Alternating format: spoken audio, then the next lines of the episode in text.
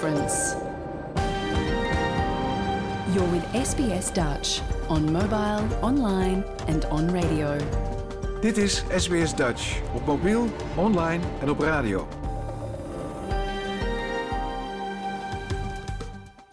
Graag erkennen wij de traditionele eigenaren en verzorgers van het land, van waar we vandaag SBS Dutch uitzenden, en uiten we ons respect aan de Camaragal mensen van de Kurungay Nation en hun ouderlingen uit het heden en het verleden.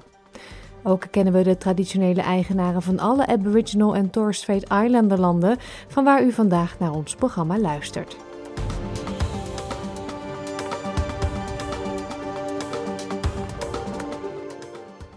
Goedemorgen, mijn naam is Paulien Roesink. Het is zaterdag 18 november 2023 en dit is SBS Dutch, het Nederlandstalige radioprogramma van SBS. Vandaag een gesprek met universitair hoofddocent narratologie Tom van Laar. Hij geeft over ruim een week een Kleveringa-lezing op de Universiteit van Sydney. Straks vertelt hij wie professor Kleveringa was en waarom er nog ieder jaar over de hele wereld speeches worden gehouden ter ere van hem. Het komende uur ook nieuwe podcast-tips van Eka Eif. En ze heeft er een op haar lijstje staan die u nu al een beetje in de kerstsfeer zal brengen. Verder natuurlijk ook het willekeurige weekoverzicht en leer Nederlands. In de les van deze week praten we over Nederlandse lekkernijen. Dat en muziek allemaal straks. Nu eerst achtergronden bij het nieuws uit Australië. Enkele alarmerende cijfers. Minder dan de helft van de Australische huisartsen zou het beroep aanbevelen aan jonge collega's.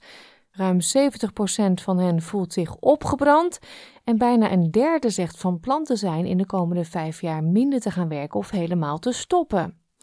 Ja, dit zijn dus slechts een paar verontrustende cijfers die naar voren zijn gekomen uit een rapport van het Royal Australian College of General Practitioners. Uit het Health of Nation rapport 2023 blijkt dat de ontevredenheid onder Australische huisartsen toeneemt, met als gevolg dat steeds minder mensen voor dit beroep kiezen. Imani MacDonald rond in de aankomende weken haar studie geneeskunde af. Ze is nog steeds op zoek naar haar droombaan, maar ze weet al wel zeker dat ze geen huisarts wil worden. The decision to bulk bill is uh, a decision between equitable healthcare and quality healthcare, um, which is definitely not something that you ever imagine you'd want to choose between as a doctor.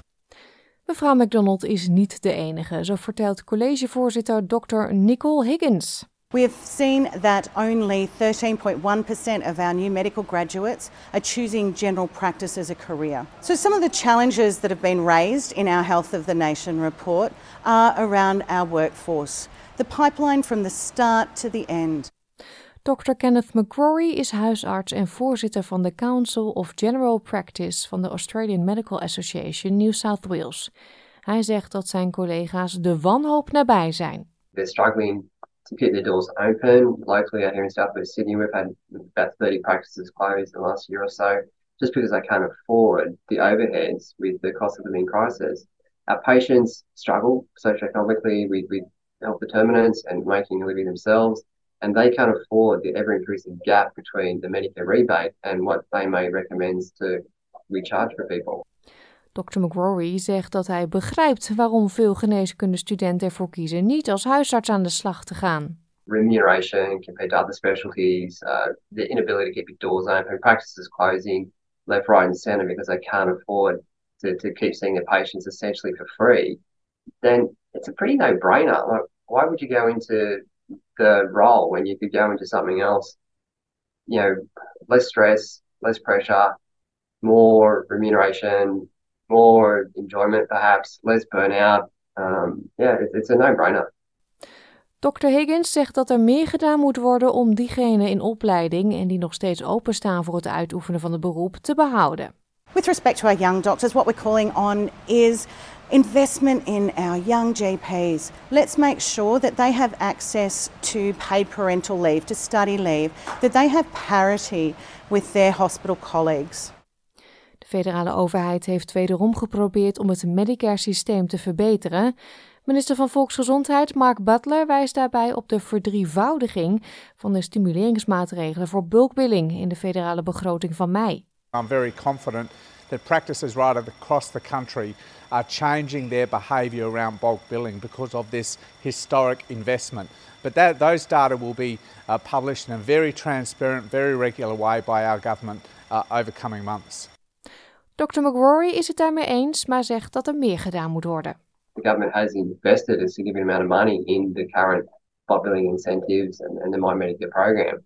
The problem is it's, it's not enough. It's nowhere near enough, and, it, and it's come a lot too late for a lot of my colleagues and a lot of the patients that they're trying to, to care for. Voor geneeskundestudenten als Imani MacDonald voelt het alsof de keuze voor hen gemaakt is. It's really demoralizing to feel like um, what you're eventually doing uh, is going to be compromised in terms of um, impact on patients and things. I guess you go into medicine wanting to do the best that you possibly can for society and for uh, all members of society, and um, yeah, if, if you're sort of unable to do that, it's definitely not appealing. Yeah. Haar keuze om niet langer de huisartsenkant op te gaan bevestigt de angst van de deskundigen. Volgens hen is het onvermijdelijk dat, als er minder huisartsen zijn en de gapfees blijven stijgen, de toestroom van patiënten op de spoedeisende hulp toeneemt. En dus zal het ziekenhuissysteem de uiteindelijke prijs betalen. Dit was een verhaal van Ruth McHugh Dillon en Ryan Tamer voor SBS Nieuws, door SBS Dutch vertaald in het Nederlands. We blijven nog even in de medische hoek. Er zijn namelijk zorgen over de toename van de hoeveelheid antibiotica die in Australië wordt geconsumeerd. Artsen waarschuwen dat de effectiviteit van antibiotica en de voorraad niet onbeperkt is. SBS Dutch. Deel onze verhalen op Facebook. Antimicrobiële middelen zijn een breed spectrum aan medicijnen die bacteriën, schimmels, parasieten en sommige virussen bestrijden. En het gebruik ervan neemt opnieuw toe in Australië. Volgens een rapport van de Australische Commissie voor Veiligheid en Kwaliteit in de Gezondheidszorg daalde het gebruik van antibiotica in 2020. En dat kwam mede doordat we toen te maken hadden met de COVID-19-pandemie en we nog geen middelen hadden om het nieuwe coronavirus te bestrijden. Die daling zette echter al in 2019 in. Maar vorig jaar steeg het gebruik van antibiotica weer met 10%. De drie staten met de meeste inwoners, New South Wales, Victoria en Queensland, noteren de hoogste gebruikscijfers. Professor John Turnage is senior medisch adviseur van de Australische Commissie voor Veiligheid en Kwaliteit in de Gezondheidszorg. Hij zegt dat we in zekere zin te veel afhankelijk zijn geworden van antibiotica. Over the 50 years or 60 years since we first had penicillin listed as a miracle drug, we got the idea that antibiotics would treat all sorts of infections. And unfortunately, we got into this vicious cycle where patients expected an antibiotic. Artsen waarschuwen dat overmatig gebruik van antibiotica antimicrobiële resistentie kan veroorzaken. Wanneer iemand een antibioticum neemt, een soort antimicrobiële stof, doodt dat ongeveer 99,99% van de bacteriën. Maar een klein percentage van de bacteriën heeft een natuurlijke afweer. Ze overleven, reproduceren en delen hun resistente genen. Professor Steve Robson is voorzitter van de Australian Medical Association en hij zegt dat naarmate het proces zich herhaalt, de zogenaamde superbugs de kop opsteken. Superbugs are lethal. They take lives of patients in Australia and around the world.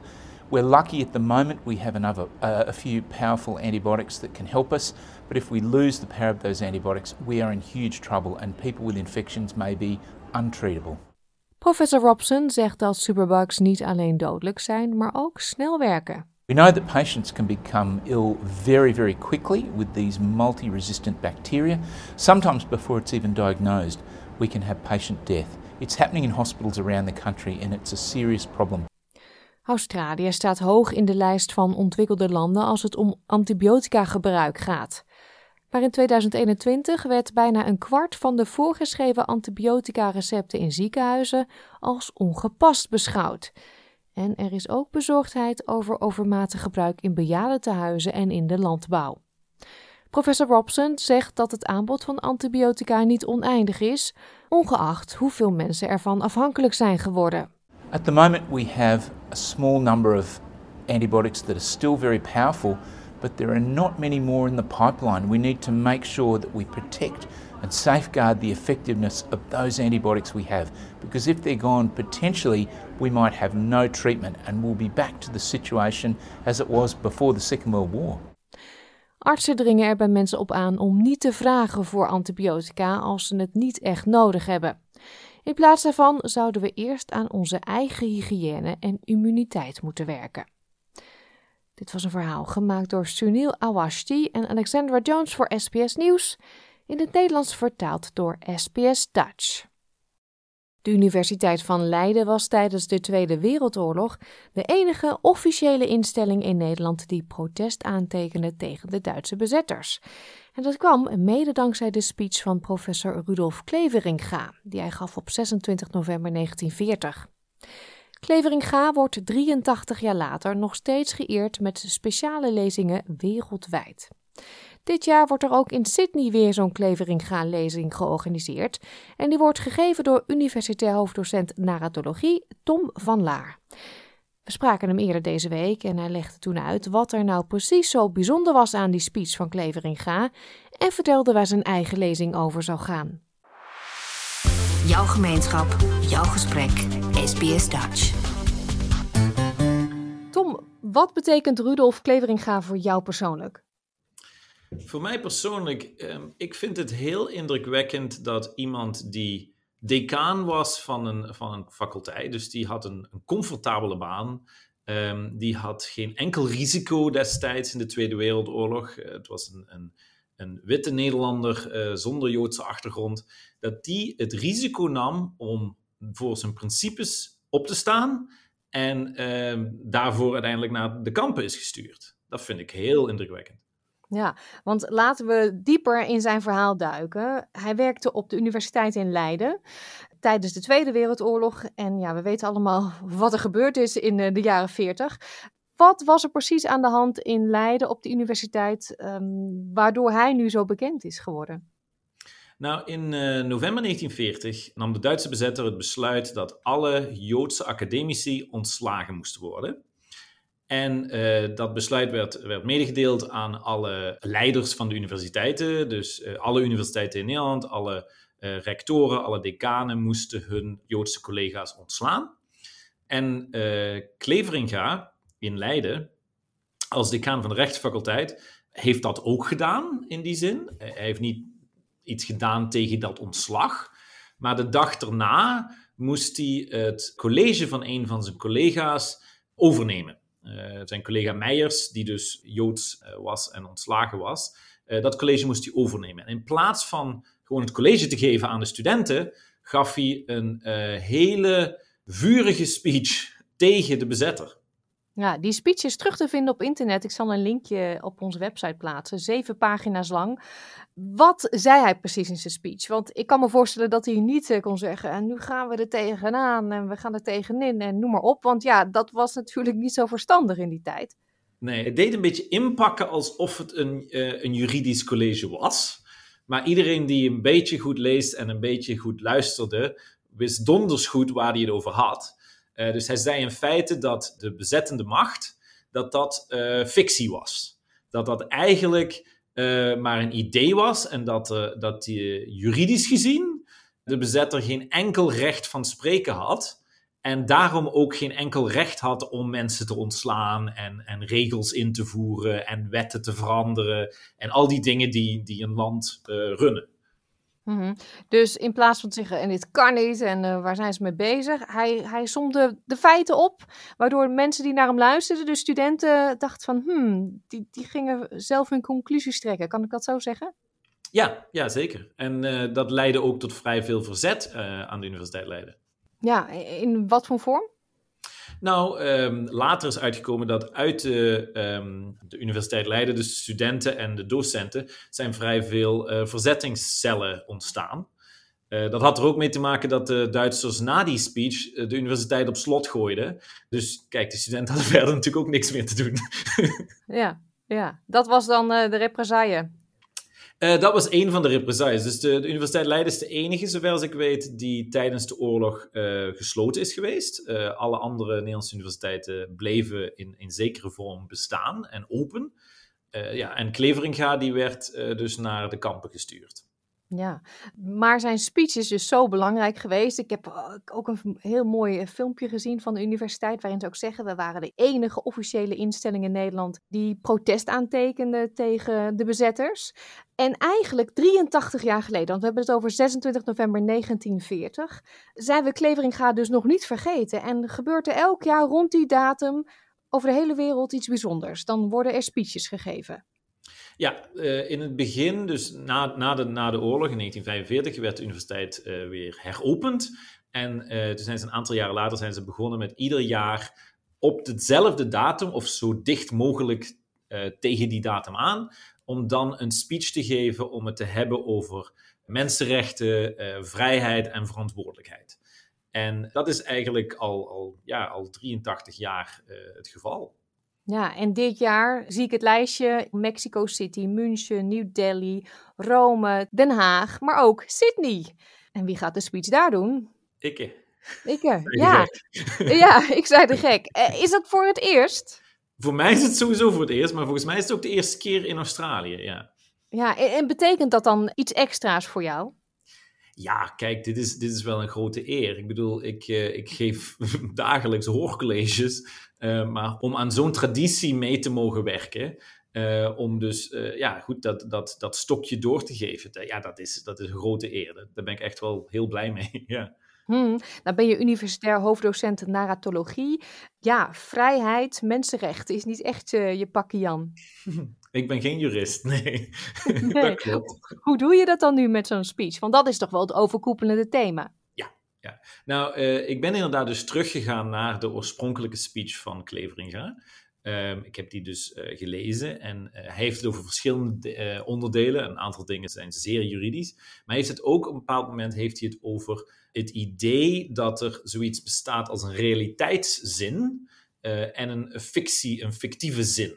Dus uh, er is een werkelijkheid die bestaat. Hè? Er zijn dingen die, die, zoals een tafel, die, die kun je voelen, die zijn echt. En dan zijn er uh, ficties. En, en hij heeft het dan over het idee dat bepaalde rechtspersonen ficties kunnen zijn. Ik heb het idee dus gehad om, om van dat punt uh, soort van te springen en te denken: goh, wat, wat zijn er nou voor ficties die een gevolg hebben voor hoe wij denken over mensenrechten? En dat zijn er best veel. Ja, en jij gaat daarover vertellen op maandag 27 november in Sydney dus. Kan iedereen daarbij zijn? Ja, het is een, het is een open college. Het is niet uh, zomaar alleen voor mensen die aan de universiteit staan ingeschreven of iets dergelijks. En er is een, uh, er is een link waar mensen zich kunnen registreren. En, ja, absoluut. Ja, en er zijn nog uh, kaartjes beschikbaar? Niet veel. Het laatste Oeh. wat ik heb gehoord zijn er nog ongeveer 10 kaartjes. Oh, nou, nou, die gelukkige luisteraar die dus nu heel hard is en denkt, daar wil ik bij zijn, die moet snel wezen. Ook daar zullen we een linkje op de website uh, naartoe plaatsen. Um, ben je nou zenuwachtig voor zoiets bijzonders? Ik bedoel, Leiden, Klevering gaat, het is allemaal niet niks. Of maak ik je nu zenuwachtig?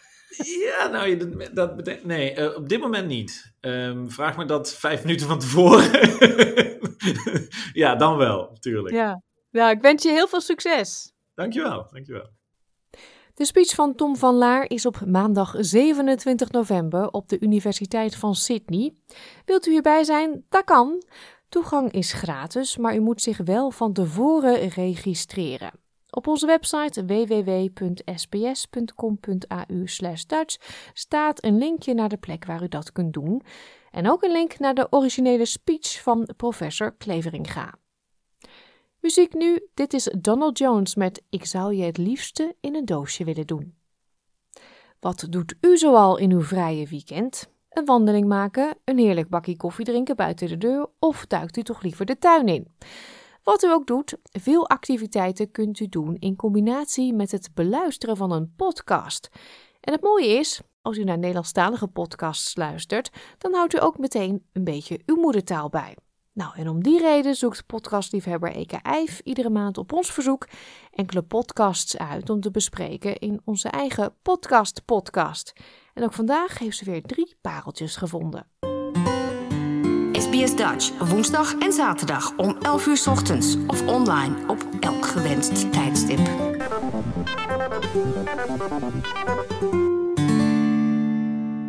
Eka, ik vind het een beetje spannend vandaag, want ik heb geen van de podcasts die jij gaat bespreken geluisterd. En dat is eigenlijk voor het eerst. Ja, nou, ik hoop maar dat ik uh, wat goeds uitgekozen heb. Want uh, als jij er natuurlijk niet tevreden over bent, dan kunnen we het niet uitzenden. Ik denk dat dat wel goed komt. Je hebt ervaring. Uh, maar laten we wel snel met die eerste beginnen. Als geschiedenis in je opstaat. Ja, in deze driedelige podcast onderzoekt schrijver, theater- en podcastmaker Marjolein van Heemstra samen met Iris van Santen, die projectleider bij het Rijksmuseum is, hoe trauma's uit het koloniale verleden door kunnen werken in het heden. Als tijdens het werken aan een tentoonstelling over de Indonesische onafhankelijkheidsstrijd plotseling Iris' eigen familiegeschiedenis in beeld komt, wordt ze overvallen door een verdriet dat ze niet begrijpt. Verdriet dat zich nestelt in haar buik en dezelfde rugpijn veroorzaakt als die waar haar Nederlands-Molukse vader al jaren last van heeft. Samen met haar vriendin Marjolein besluit ze het spoor van haar fysieke klachten te volgen. Ze bezoeken schrijver Maurits de Bruin, die vertelt hoe het trauma van zijn Joodse moeder aanwezig is in zijn leven en zijn lichaam. En bij psychiater Marco Box wordt duidelijk op welke manieren angst en pijn kunnen doorcijpelen en dat je een geschiedenis zowel feitelijk als lichamelijk kunt kennen. Bij een familieopsteller probeert Iris dichter bij haar opa Hans te komen. Ja, je hebt hier een fragmentje over uitgekozen. Laten we daar even naar luisteren. Het, het voelt wel heel vreemd om ineens heel emotioneel te zijn over mijn opa, terwijl ik dat nooit eerder zo heb gevoeld. En nu is hij zo aanwezig en heb ik ook het gevoel dat het, dat het door mij komt dat hij dan nu dit podium krijgt. En dat voelt ook als een hele grote verantwoordelijkheid. Dat raakt me heel erg. Heel intens uh, klinkt dit. Ja, het is een uh, intense beleving. En door de podcast heen krijgt Iris steeds beter het gevoel dat ze begrijpt waarom en hoe de geschiedenis in haar opstond. En als ze met haar vader de opening van de tentoonstelling bijwoont, komt alles prachtig samen en kunnen ze alle twee het verleden een beetje afsluiten. Ja, wat vond je zo mooi in deze podcast, eh, Eka? Nou, het is super persoonlijk, maar het is geen moment sensationeel. Het is emotioneel zonder sentimenteel te zijn. Iris en haar familie zijn open en kwetsbaar, waardoor je heel erg met hun meeleeft. En daarnaast krijg je ook een beetje inzicht in hoe de psyche werkt. Hoe trauma, dat niet benoemd wordt, meer impact kan hebben op het nageslacht dan nare gebeurtenissen die onder woorden worden gebracht. De podcast kan je helpen dingen te begrijpen en te herkennen en meer begrip te hebben voor anderen om ons heen. En dan tenslotte, omdat ook mijn familie een Indisch verleden heeft, raakte de podcast een hele persoonlijke snaar. Er was veel herkenning voor mij. Ja, dat maakt het dan wel extra speciaal natuurlijk. Ja, zeker. Het waren zoveel dingen die ze vertelde die ik heb. Ja, dat ken ik. Ja. En vooral niet spreken over dingen die gebeurd zijn. En die daardoor juist door het niet te over te hebben, een heel eigen leven gaan leiden. Mm Oké, dat klinkt uh, als een um, persoonlijke aanrader, echt, die van binnenuit komt. Ja. ja. De tweede podcast, Wie is Emmy? En dat is dan niet de vraag die ik jou zo stel, maar dat is de naam, de titel van de podcast. Ja, dit is een totaal andere podcast. Het begint met een teleurstellend verjaardagscadeau. En dit blijkt een intrigerend mysterie voor scenario-schrijver Daan Windhorst. Hij vraagt zijn vriendin en radiomaker Nicky Dekker om hem te helpen een podcast te maken over de vraag wie de persoon is die lelijke, dure en frauduleuze kleurboeken voor volwassenen maakt en deze onder twee verschillende pseudoniemen verkoopt. De podcast Wie is Emmy is geboren en via heel veel zijwegen kom je daar in 18 afleveringen achter. Nicky en Daan zijn nieuwsgierig naar de kleinste details van de wereld om hen heen, waarover ze grote vragen stellen. Wat is er allemaal voor nodig om een kleurboek uit te geven? Hoe kiest Libris welke boeken ze verkopen? Wat zegt het over je als je een pseudoniem gebruikt? Voor antwoorden op die vragen gaan ze te raden bij allerlei vrienden, experts uit het boekenvak of daarbuiten en bekende Nederlanders als Arnon Grunberg. Ze presenteren zichzelf in de eerste aflevering als tegenpolen. Windhorst is humoristisch, Dekker maakt serieuze podcasts. Maar Nicky giebelt net zo hard over het kattenfobie of schizofrenie kleurboek. En Daan is op zijn beurt ook serieus wanneer hij interviews afneemt. Maar nu komt er wat ik het meest mysterieus vind. Wat ik misschien wel aan dit hele ding het meest mysterieus vind. Met Emmy kan je uw eigen fantasie de vrije loop laten. Wie is Emmy? Wie is Emmy? Wie is Emmy? Wie is Emmy? Wie de fuck is Emmy? Hè? Ik ben heel erg in de war. Want? Want het is van Stephanie. Het is geschreven bij Stephanie Jakke. Geschreven, het is een kleurboek. ik weet niet wat ik zeg. Dit is dus een kleurboek met twee verschillende auteurs. Ja, op de voorkant is het van Stephanie en op de achterkant is het van Emmy. Het is niet zo dat er ergens staat dat Stephanie en Emmy hebben samengewerkt. Wie heeft dit gemaakt? Ja, het is echt, dit is waardoor je denkt, oh, dit kleurboek is gejat. De voorpagina is van één kleurboek gejat, de achterpagina is van één kleurboek gejat. Alle kleurplaatsen zijn gejat en bij elkaar. Dit, nu, ja, dit is, dit is het gewoon, dit is het mysterie. Wie is Stephanie? Wie is Emmy? Ja, gaan we daar antwoord op krijgen? Wie is nou Stephanie? Wie is Emmy? Is het één iemand? Vertel, vertel. Ja, daar moet je dus 18 afleveringen voor luisteren. Maar hun nieuwsgierigheid is aanstekelijk. Naarmate je meer afleveringen hoort, ga je steeds meer mee in de drang om alles tot in detail uit te zoeken.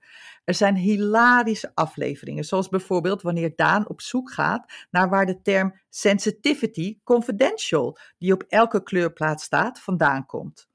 Soms denk je, wat heeft dit er nou weer mee te maken? Maar door ieder detail komen ze steeds dichter bij wie Emmy is. Uh, het is wel overduidelijk dat deze podcast in de coronatijd gemaakt is. Daan en Nicky hebben er zoveel tijd en moeite in gestopt dat het meer verdient dan een tip of een recensie.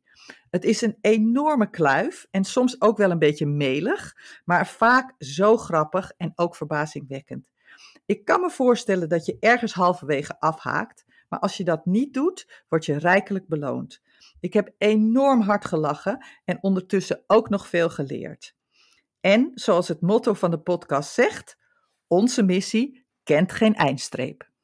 Ja, het klinkt eh, een beetje hilarisch. Ik ben ook wel heel benieuwd. Mijn nieuwsgierigheid is gewekt. Maar wat ik ook wel een belangrijke vraag vind, in het begin zei je, het begint met een heel teleurstellend cadeau. Komen we er ook nog achter wie dat cadeau heeft gegeven? Ja, dat hoor je meteen in de, in de eerste podcast. In de eerste aflevering hoor je dat meteen. Ja. Oké, okay, nou ben benieuwd hoe die persoon dan reageert. de derde podcast, laten we daar mee verder gaan. Mensen, ik hoop dat jullie hier klaar voor zijn. Het heet Kerstpraat. Ja, Paulien, wanneer uh, zet jij meestal je kerstboom op? Na Sinterklaas. nou, in, Australië mag het altijd uh, 1 december al. Dus uh, daar zijn we niet heel ver meer vandaan. Dus ik dacht, uh, ook de voorpret naar kerst is leuk. Dus laten we deze podcast gaan luisteren. Het lijkt nog wat vroeg, maar voor kerstbesties Saskia de Laat en Arvid Bux beginnen de voorbereidingen voor het kerstseizoen al in de zomer. Sinds juni maakten ze elke maand een nieuwe aflevering van de podcast Kerstpraat. De leukste kerstpodcast van Nederland en België. En je kan ze nu zelfs elke twee weken horen. Ze delen knusse kersttips, bespreken kerstfilms, vertellen over uitjes naar kerstmarken en kerstshows. Je hoort over hun beste versierideeën, er zijn cadeautips en je krijgt inspiratie voor het creëren van een onvergetelijke kerst. Kortom, een half uurtje genieten van de kerstvoorpret. Saskia blogt al 13 jaar over kerstmis onder de naam Christmaholic. En Arvid is bekend van de podcast Ongedefinieerd en is ook vaak de gast bij de podcast over Disney. Ze vertellen in deze podcast persoonlijke verhalen over hun eigen kersttradities. Arvid heeft een rubriek met kerstfeitjes en ze beantwoorden veel vragen van luisteraars. Ja, en Arvid vertelt ook over zijn eigen kersttradities, zijn inkooptradities. Laten we daar even naar luisteren. Eerder benoemde een van de andere podcasten ook. Ik heb altijd een kerstwinkeldag in mijn kerstvakantie. is altijd een van mijn eerste dagen van de kerstvakantie. Ga ik even mijn eentje winkelen. De laatste paar jaar is het altijd Maastricht geweest. En dat doe ik gewoon lekker in eentje. Dan ga ik rustig naar Maastricht. Ontbijten, lunchen erbij. Dan ga ik eens een kopje koffie. En ondertussen doe ik wat shoppen. En dat vind ik gewoon heerlijk. En het is gewoon echt is een traditie die alleen voor mij is. Ik weet dat jij heel graag mee wilt. Ik ja. Ieder jaar zeg ik nee. maar ik vind het altijd heel fijn om gewoon even zelf, zelf te kunnen gaan. Ja, kerstshoppen. Ik moet daar toch altijd nog aan wennen als ik dan hier zo'n eh, hele grote winkelcentrum inkomt en je hoort de muziek en je ziet de aankleding. En dan stap je naar buiten en dan, poeh, het is heel warm. Ja, voor mij is ook sinds ik in Australië woon kerst niet meer hetzelfde. Het is warm, familie is ver weg, er is weinig aandacht voor het religieuze aspect en het eten is ook niet wat ik in Nederland gewend was. En deze podcast helpt een beetje om toch die fijne sfeer van warmte en verbondenheid op te wekken.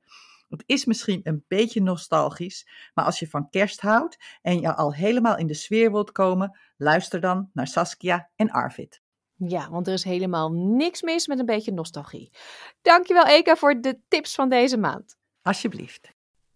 Alle tips van Eka, en we hebben al meer dan 25 afleveringen online staan, zijn terug te luisteren op onze website www.sbs.com.au/dutch of via uw favoriete podcast-app. En dan nu tijd voor een overzicht van enkele opvallende nieuwsberichten uit Nederland van de afgelopen week. Met dank aan de NOS, Omroep Brabant en Omroep West.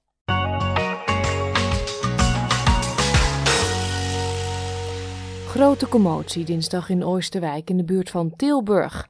Een agressieve man liep daar een basisschool binnen, zei dat hij een wapen had en liet weten een bom achtergelaten te hebben. Een arrestatieteam en explosieve verkenners kamden de school uit, maar er werd gelukkig niets aangetroffen. De burgemeester van Oosterwijk, Hans Jansen, vertelt dat de schrik er op de school goed in zit. De leerkrachten van eigenlijk drie scholen, twee basisscholen en een kinderopvang. En die zijn uh, door ons opgevangen in de, in de sporthal. En uh, ik vond het belangrijk om die te spreken en dat heb ik straks gedaan. En een enorme impact, met name op degenen die als het ware tegenover de, de verdachte hebben gestaan, enorm geschrokken zijn. Dus we letten ook heel goed op de mensen om, om ze goed te begeleiden. Later op de dag is een 19-jarige verdachte gearresteerd en de school is sinds donderdag weer open. Nederlanders zijn een stuk minder gaan bewegen. Minder dan de helft van de Nederlanders beweegt genoeg volgens het RIVM, het Rijksinstituut voor Volksgezondheid en Milieu. Vooral jongeren, jongvolwassenen en hoger opgeleiden zitten veel op de stoel. Lifestylecoach Cedric Rachmat merkt ook dat de prioriteit van mensen ergens anders ligt dan bij bewegen. Ik denk dat we vooral prioriteit hebben voor snel en meer. Um, en helaas niet meer bewegen, maar meer van gemak en geld verdienen en ja, dat soort zaken. Terwijl je zou denken, gezondheid is het allerbelangrijkste. Hè?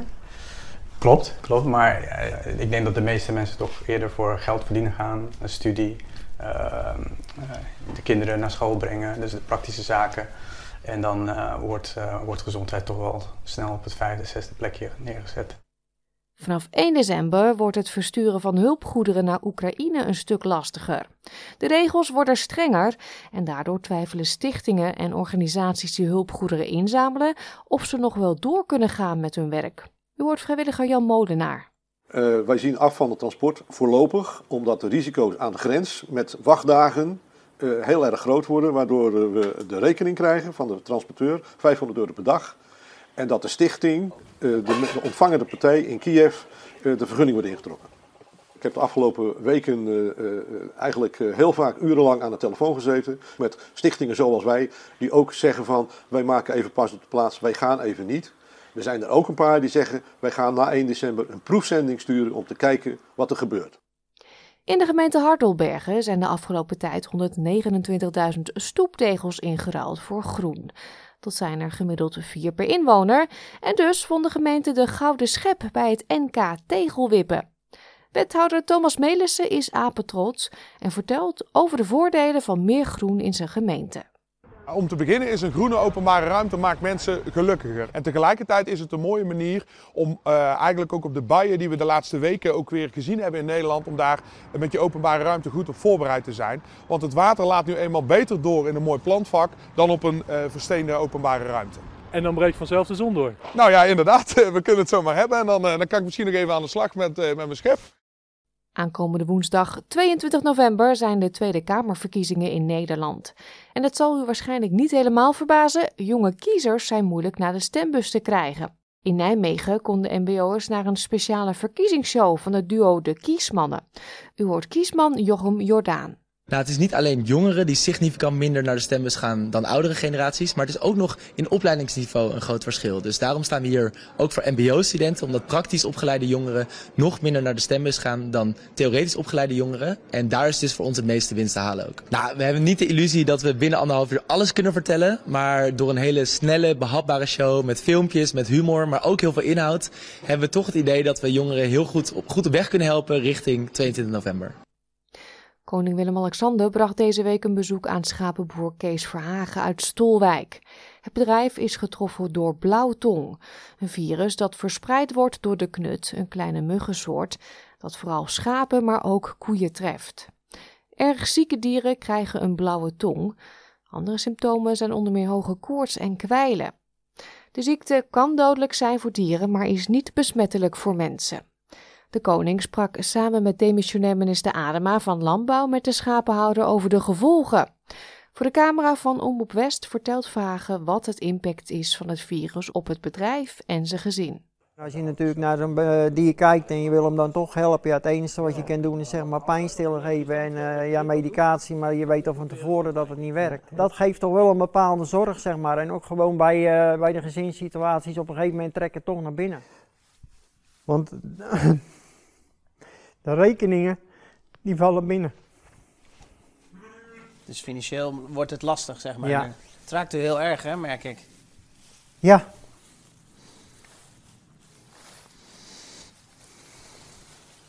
Dat heeft eigenlijk ook zakelijk te maken. Dat als het niet loopt en je hebt dit er dan bij, dat je kinderen het zwaar hebben.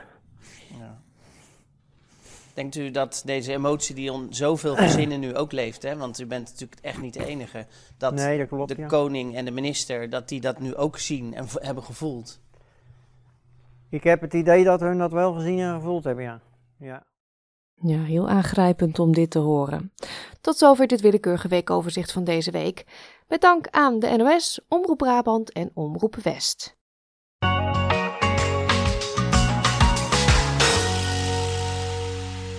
Met onze talenserie Leer Nederlands proberen we mensen die geïnteresseerd zijn in de Nederlandse taal een beetje op weg te helpen. En dat doen we met de wekelijkse minilessen van Joyce Diebels van Dutch with Joyce. Deze les een extra leuke, of eigenlijk lekkere, want het gaat over typisch Nederlands eten.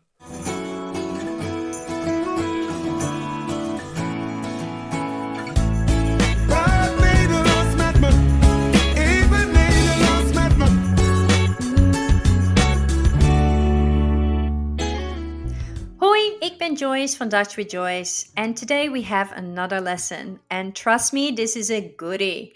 We are going to talk about food, and who doesn't love food? We are going to learn the most common, most cultural Dutch food. So let's start with probably the favorite among everyone the stroopwafel. It's like a syrup waffle, a really yummy cookie with a thin waffle and some caramel syrup in the middle. This is called a stroopwafel. So make sure you really make that ah sound, not waffle, maar waffle. Stroopwafel. Another goodie is the pancake. We love our Dutch pancakes and they're very yummy, so have a try if you haven't done so already. We call a pancake een pannenkoek. De pannenkoek.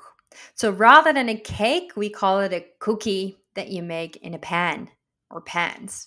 De pannenkoek. Obviously, there is also a very Dutch version of a teeny tiny mini pancake, which we call poffertjes. Poffertjes. In English known as mini Dutch pancakes, but we call them poffertjes. And you can kind of imagine that they're really teeny tiny pancakes that puff up a little bit because they are more fluffy than a regular pancake. Poffertjes. Another sweet thing to mention is obviously sweets, or in Australian, lollies. We call sweets or lollies or candy snoop, like Snoop Dogg. So, sweets or candy is called snoep. De snoep or het snoep. Both are correct in Dutch. A specific type of snoep is licorice. Very Dutch, and either you hate it or you love it. I personally hate it, and that's why I love to drop them because I just don't eat them. Licorice is therefore called drop. Het drop. Het drop. Now let's move on to some savory foods that we eat as a snack or dinner. The fries and all of their beloved snacks. So in the Netherlands, we actually eat fries with mayonnaise and snacks as a wholeheartedly meal. And this is because we eat them with mayonnaise, which somehow is sustained as a full meal. Whereas in Australia, fries or hot chips are considered a side dish or a snack. So let's start with those hot chips or fries. If you remember that hot chips are usually called fries in the US, that makes it easier to think of the Dutch word for it, which is friet. De friet. But there is a big, big battle between the Dutchies from the north and the south and certain regions on how to say fries. So, because I'm from the south, I say friet, but friet is obviously made from potatoes and different versions in different languages on how to call potato potato. There is also another word for fries, which is patat. Patat. So you can choose or ask your Dutch friends and family what they like to say, whether you want to say friet or patat and join the battle. we love to know what your favorite word is and let us know.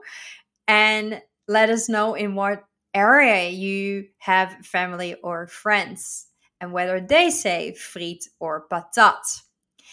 Then we immediately go on to the next battle, which is which snack do you eat with your friet or patat? Because usually Dutchies love either the fried Dutch meat sausage, rather known as de frikandel, or the fried ragout croquette, which is de croquette.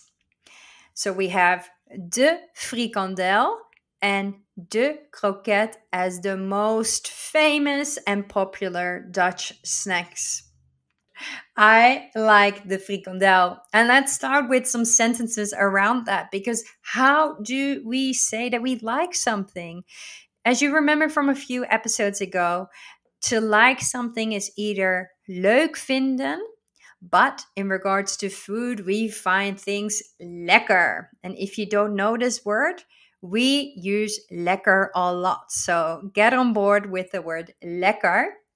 So I like the meat sausage is called Ik vind de frikandel lekker.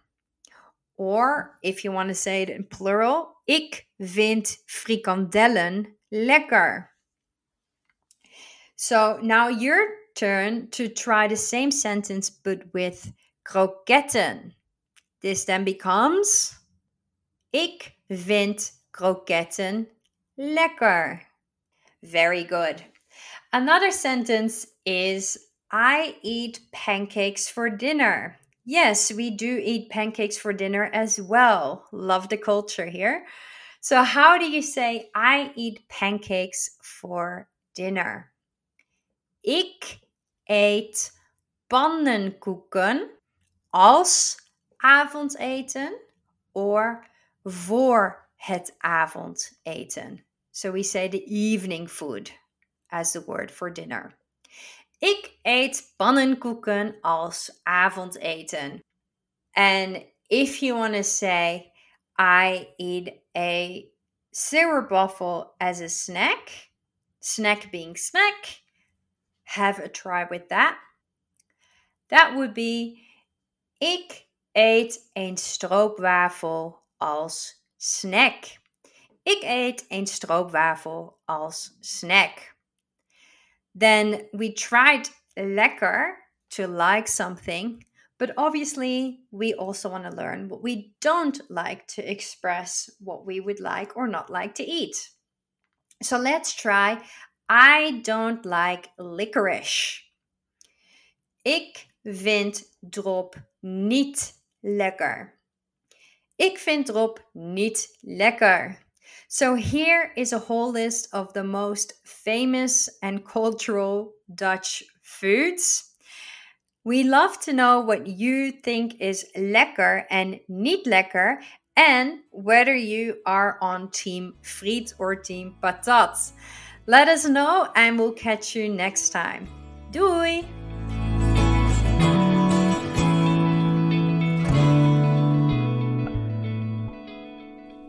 Kent u iemand die heel graag Nederlands wil leren? Stuur diegene dan de link naar onze website www.sbs.com.au/dutch, want daar zijn alle lessen en ook de uitleggen daarbij terug te vinden.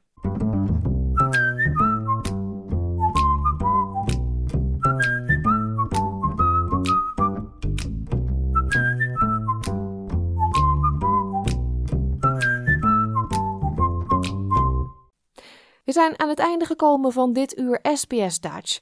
Ga naar sbs.com.au Dutch om deze aflevering of onze andere verhalen terug te luisteren. Of download de gratis SBS Audio app. Dit kan in de Apple Store of Google Play. SBS Dutch zit ook op Facebook. Zoek ons op, like de pagina en praat mee over onze onderwerpen. Ik dank u hartelijk voor het luisteren vandaag. We sluiten af met een vrijgezel van Benny Nijman. Ik wens u een heel fijn weekend. Dag! Wil je nog meer soortgelijke verhalen? Luister via Apple Podcasts, Google Podcasts, Spotify of waar je je podcasts dan ook vandaan haalt.